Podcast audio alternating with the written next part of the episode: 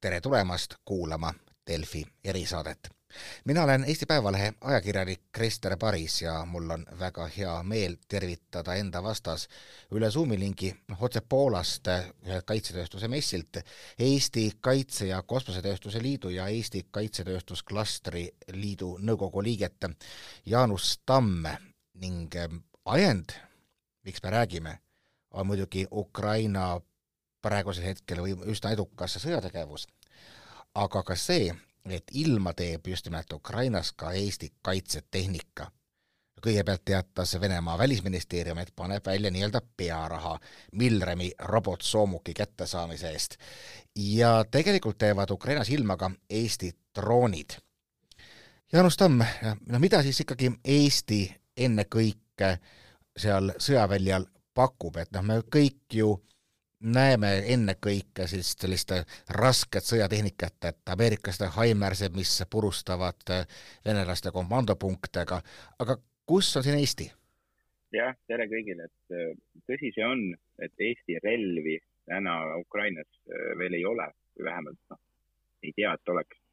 põhiline põhjus selleks on see, et Eestis ei ole väga relvatööstust, et meil on vaata kaitsetööstus, me tegeleme lahendustega, millega kaitsta et kui nüüd rünnatakse, siis äh, sa saadad droonid õhku, saad teha seiretööd, ka Milremi masinad on tegelikult rohkem kaitsefookusega.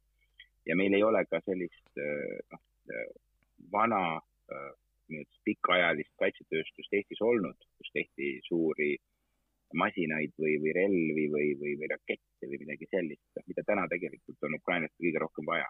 et noh, kui sul on vaja, kui sul niisugune toores jõud on vastas, siis sul on vaja nagu teist toorest jõudu seda balansseerima. et ega need äh, ameeriklaste switchblade'id seal noh, on abiks ja kasulikud, aga aga kui sul on ikkagi suur, suurtükivägi vastas, siis sul on ikka teist suuremat suurtükki vaja vastu panna, et sellest nagu jagu saada. aga mis ma mainiksin tegelikult on see, et Eesti kaitsetööstus oli juba enne sõda Ukrainas. et, äh, et meie, meie tööstusettevõtted aitasid seal küberi osas väga palju ettevalmistusi teha. Ja võib-olla üks põhjus, mispärast näiteks ukrainlased äh, sõja alguses äh, suutsid päris hästi äh, pareerida neid venelaste küberrünnakuid, oli näiteks see, et Eesti firmad olid treeninud enne ja viinud läbi koolitusi ja teinud neile keskkonda ja vaadanud ja jaganud kogemusi, kuidas, kuidas nii-öelda siis selliste rünnakute vastu ennast kaitsta ja mida teha et, et noh, see, see on, need on, need on juba tänapäeval nagu faktid, et seal midagi väga ei juhtunud nii, nii katastroofiliselt võib-olla oleks. huvitav, palju seda üldse üritati, ma mäletan ka, minu tuttavad just ütlesid, et nad kindlasti ootavad, et, et riik, et riik langeb pimedusse, et elektrijaamad lõpetavad töö, et tuleb taoline. seal oli tegelikult, seal oli palju, seal oli palju selliseid üritusi, aga kuna, kuna noh, mitu kuud enne tegelikult, noh, peaaegu aasta enne ikkagi tehti väga intensiivseid treeningprogramme ja õpetati ja vaadati ja, ja tehti ettevalmistusi. selle tulemusena ikkagi, kui sa oled ette valmistanud, siis on päris suur variant, et, et, et kõik rünnakud, mis su vastu tulevad, ei tule läbi. noh, mõned ikka tulevad, et ega kõiki ei saa igalt poolt kinni toppida. ja tegelikult on Eesti, Eesti sensorid olnud ka varem juba Ukraina piiridel, mis on tegelikult noh, piirivalvurite poolt, küll mitte sõjaväe poolt, aga piirivalvurite poolt kasutuses ja, ja oli ka just seal Valgevene poole peal näiteks piiride peal Eesti, Eesti sensorid kasutusel juba enne. aga nüüd... täna jah, täna et ongi, et nüüd aga vähemalt nii palju on kuulda, et vähemalt siis nagu need Milremi soomukid, noh, mitte soomukid, aga siis kaitseotstarbelised robotid, nagu te nimetasite, et need on ikkagi seal kohapeal ja missugune nende selline sõjakogemus on olnud, kui palju sellest üldse rääkida saab? no ta on olnud väga lühikest aega, sealt tegelikult eelmine nädal tuli välja meedias see, noh, see teade ka, et nad sinna jõudsid ja neid kasutatakse ja neid põhimõtteliselt kasutatakse, noh, need on nagu mediväkkidena, siis haavatute evakueerimiseks, siis rindejoonelt, ega täpselt ei ole teada, kus nad ju asuvad. et ukrainlased ise teavad, kuidas ja kus seda kasutada ja, ja, ja, ja seal nad, seal nad kasutusel on. et meie teada sinna mingit relvasüsteemi peale ei plaanita panna, vaid ikkagi äh, siis evakueerida haavatuid nii, aga kas, kas seal on midagi veel? vaata, kui ma, kui ma just mainisin seda, neid Triodi toon, droone, mis on nagu sellised vaatlusotsus jah, Triodi droonid on tegelikult, jah, Triodi droonid on täna kõige populaarsemad Ukrainas, et nad on, nad on väga töökindlad, neil on, nad noh, lendavad väga hästi, neil on väga head kaamerad, neil üldse maailmas see nii-öelda siis kaamera ütleme siis nii väiksed ja nii kerged kaamerad, mis on võimelised nii kaugele nägema võrreldes teiste tootjatega. ja nad on selles mõttes väga suureks abiks olnud, et noh, internetis on näha ka, et väga palju on selliseid videosid, kus, kus siis tegelikult vaadatakse trioodidroonidega, kuidas siis suurtüki mürsud on kuskile lennanud ja mis, mis kahju nad on teinud. ja praegu noh, ikka huvi on ka trioodilennukite vastu väga palju üle maailma, et, et see on olnud väga hea selline combat proven märk äh, Eesti tootmine, Eesti toodetele, et see, mis seal kasutusel on, see, need üldiselt lähevad nagu soojad saiad no me oleme ju kuulnud, kuidas Venemaa ostab äh, juba hädas droone Iraanist ja, ja muud varustust Põhja-Koreast, ja muuhulgas seetõttu, et noh, näiteks neid droone on suhteliselt lihtne olnud ka siis ukrainlastelt maha võtta, et kuivõrd näiteks hästi on Eesti varustus kaitstud vastase vastutegevuse eest? noh, meie oleme, meie tööstus äh, on arendanud tooteid äh, algusest peale teadmisega, milline naaber meil on ja meil see naaber on suhteliselt lähedal ja mm. meie kaitsetööstuse partner on meie kaitsevägi, seetõttu meie kaitsevägi ka teab, kes on meie naaber ja mis on tema nipid, võtted, äh, kuidas ta plaanib äh, rünnata või mida teha ja kõik meie nii-öelda tehnoloogilised äh, tooted ja tehnoloogiad on arendatud vastavalt. et me teame, mida vaenlane võib teha ja nii palju, kui tehnoloogia võimaldab tänapäeval, me oleme siis selle vastu kaitstud proovime seda mõju võimalikult vähendada. ja nii palju, kui meil on teada, siis, siis siiamaani on, on Ukrainas ka Eesti droonid olnud suhteliselt nii-öelda siis hästi vastupidavad igasuguste jammimiste ja segamiste vastu. noh, loomulikult seda tuleb ette ja, ja, ja aga noh, on olemas vastumeetod, kuidas sellest nii-öelda jagu saada või mööda hiilida kuhu üldse Eesti paigutub selliste nii-öelda noh, võib-olla mitte siis relvasüsteemid, aga sellise sõjalise abi poolest, no ma kujutaks ju ette, et Läti ja Leedu ja noh, kindlasti Poola ja Soome ja kõik toodavad mingisuguseid oma vidinaid, mis on meie nišš? no meie nišš on täna, täna targad lahendused, et kuna meil, nagu ma ütlesin, kuna meil rasketööstust ei ole väga, noh, kaitsevaldkonnas, siis meie, meie nišš on see, et kuidas teha ütleme siis kaitsetooteid targaks.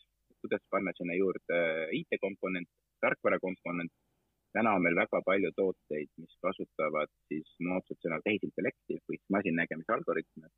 meil on olemas näiteks droonitõrjerakendused, mis kasutavad seda, meil on olemas seirelahendused, mis kasutavad seda on, on olemas kaamerasüsteemid, ka Milrem kasutab seda, et orienteeruda maastiku peal tegelikult ja, ja ka lennukite peal kasutatakse seda nii tule kustutamiseks kui ka siis noh, ütleme objektide otsimiseks.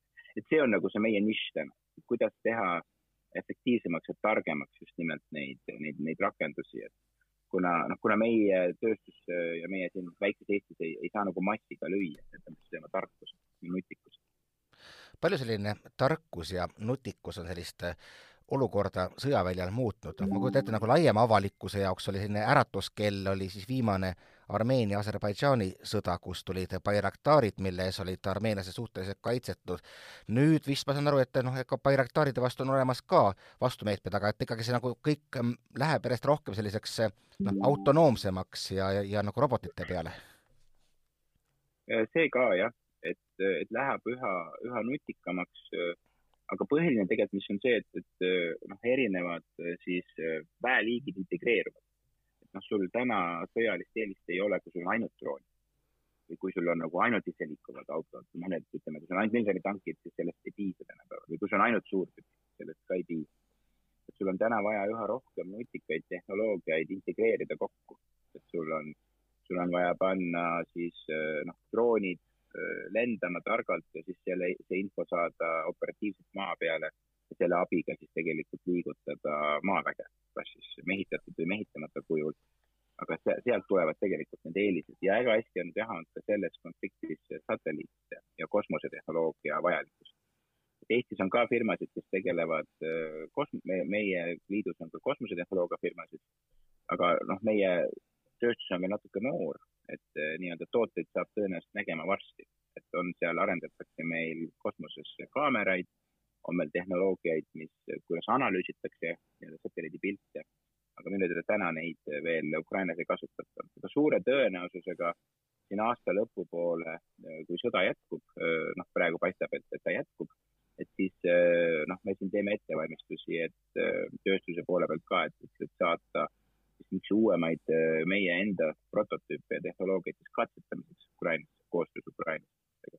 et see on selline väga hea võimalus siis seal katsetada mingeid tehnoloogiaid ja näiteks me oleme ka sellise vabatahtliku organisatsiooni nagu Aeroroosika, mis seal droonidega tegeleb, ka nendega teeme koostööd, et just vaatame, kuidas seal siis nii-öelda uusi tehnoloogiaid kokku panna ja, ja kuidas siis katsetada neid seal ja tulevikus ka siis nii-öelda Eesti prototüüpe siin, siin sügise talve pool. Huvitav, kuivõrd noh, noh kerge või lihtne on seda katsetusi kõike teha, no ma toon nagu analoogi ka selliste, selliste suurte relvasüsteemidega on olnud päris palju noh, kriitikat, et kui nüüd kogu see nii-öelda Nõukogude moon ja Nõukogude suured torud otsa lõppesid Ukrainale, tuli läänest ja tuli hästi palju nagu erinevaid tehnoloogiaid ja igaühte peab eraldi õppima ja kokkuvõttes on, tekib selline kakofoonia, et kas seda ohtu nagu selliste nende väiksemate süsteemide puhul ei ole? No need süsteemid on õnneks nii-öelda nagu ühe mehe tasemel õpitavad reeglina või siis noh, ütleme kahe mehega, et, et nad on selles mõttes lihtne kasutada, targad tehnoloogiad on selles mõttes noh, lihtne kasutada, on targad ei pea seal väga palju midagi tegema, et nad väga palju asju teevad ise, noh näiteks droonid teevad autopiloodiga lendamist tänapäeval, sul ei ole vajagi koolitada pilooti välja. ütled talle, kuhu lennata, mida teha seal, ta lendab sinna, teeb oma asja ära, tuleb tagasi või ei tule tagasi.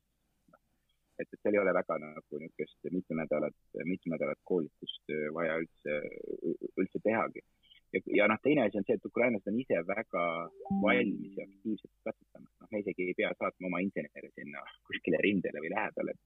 et me, me koolitame nad välja, nad lähevad, proovivad ise neid asju ja, ja tulevad, annavad tagasi mm. -hmm, mm -hmm ma tahaks nagu natukene veel teemat laiendada, et noh, suhtlete ka kolleegidega kindlasti palju ja, ja kindlasti on arutusel ka sellised küsimused nagu, nagu üldse nagu autonoomsete relvasüsteemide tulevik ja noh, ütlesite, ütlesite, praegu on niimoodi, on ikkagi kõik integreeritud väeosadesse.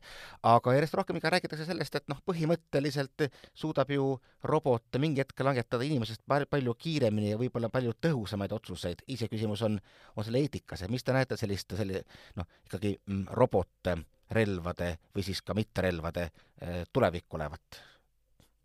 noh, meie, olles Euroopa Liidu liige ja töötades Euroopa Kaitsefondi programmides ka, siis meie lähtume Euroopa Liidu siis eetikakoodeksitest.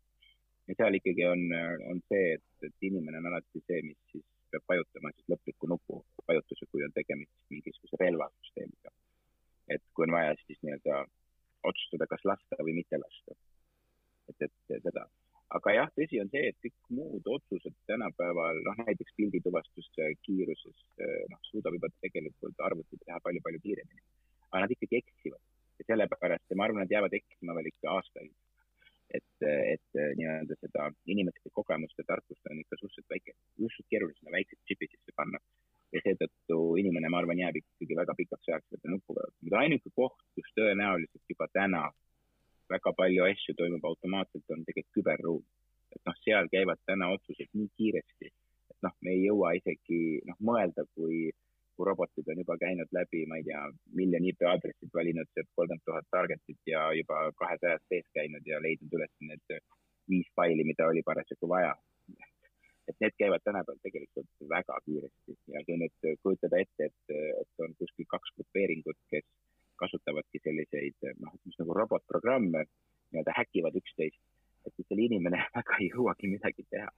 ainuke oluline asi on see, et noh, seal, et häkiksid siis arvutisüsteeme, mitte siis relvasüsteeme, kus siis aga kuna relvasüsteemid on täna kõik manuaalsed, noh siis ei ole seda varianti, et kuskilt keegi häkib sisse ja siis programm hakkab mingeid asju tulistama no seda on esialgu lohutav kuulda, kuigi see natukene tõi meelde mingisuguseid selliseid ka ulmeromaanidest tulevikustsenaariumeid, kus tulevikusõda kestab no isegi, isegi mitte sekundi, vaid, vaid oluliselt vähem, et inimene ei jõua reageeridagi, kui ta on juba sõja kas võitnud või kaotanud.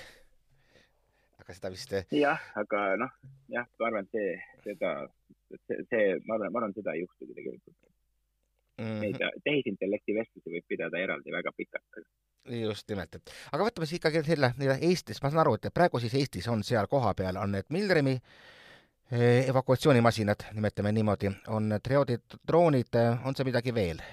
Siis on olemas ka Ranteloni jämmerid, drooni, droonitõrje jämmerid, need on noh, väga head, nad on väga tõestanud ennast selles mõttes jammivad väga hästi ja tuvastavad ka raadiosidega väga hästi. ja siis on seal veel äh, seire, noh, nagu Eestis annetavad palju džiipe, aga siis džiipide peale saab panna ka näiteks seirekaameraid. Et lisaks siis sellele džiibile, et sa sõidad ühest kohast teise kohta, sa saad ka sinna peale kaamera panna ja natuke nii-öelda luuretegevust teha, et ka, ka Eestis kokku pandud sellised asjad on seal olemas mm. -hmm. ja põhimõtteliselt ma saan aru, et kõiki nende asjade eest äh, maksab praegu Eesti riik või on ukrainlased ise ostavad? vot see ongi, see on tegelikult niimoodi, et, et Eesti riik äh, on siiamaani maksnud või siis ütleme, annetanud Ukrainale laskemoona. Ja, ja need pro programmid, millest ma praegu mainisin, need on tegelikult kõik doonorite rahadega tehtud, noh, annetused. et kas siis annetavad äh, siis nii-öelda tavalised inimesed või siis, või siis tehakse mingeid kampaaniaid või siis vist mingeid asju on ka ukrainlased otse ostnud Eesti, Eesti, Eesti tööstused. ja loomulikult on Eestis ju välihaiglad, mis on Eestis toodetud, mis on, mis on näiteks ka sakslaste ka ühisprojekt Eesti riigi poolt tehtud. Tegelikult see Saksari doonori raha mm. -hmm. Need on need asjad, mis on täna koha peal.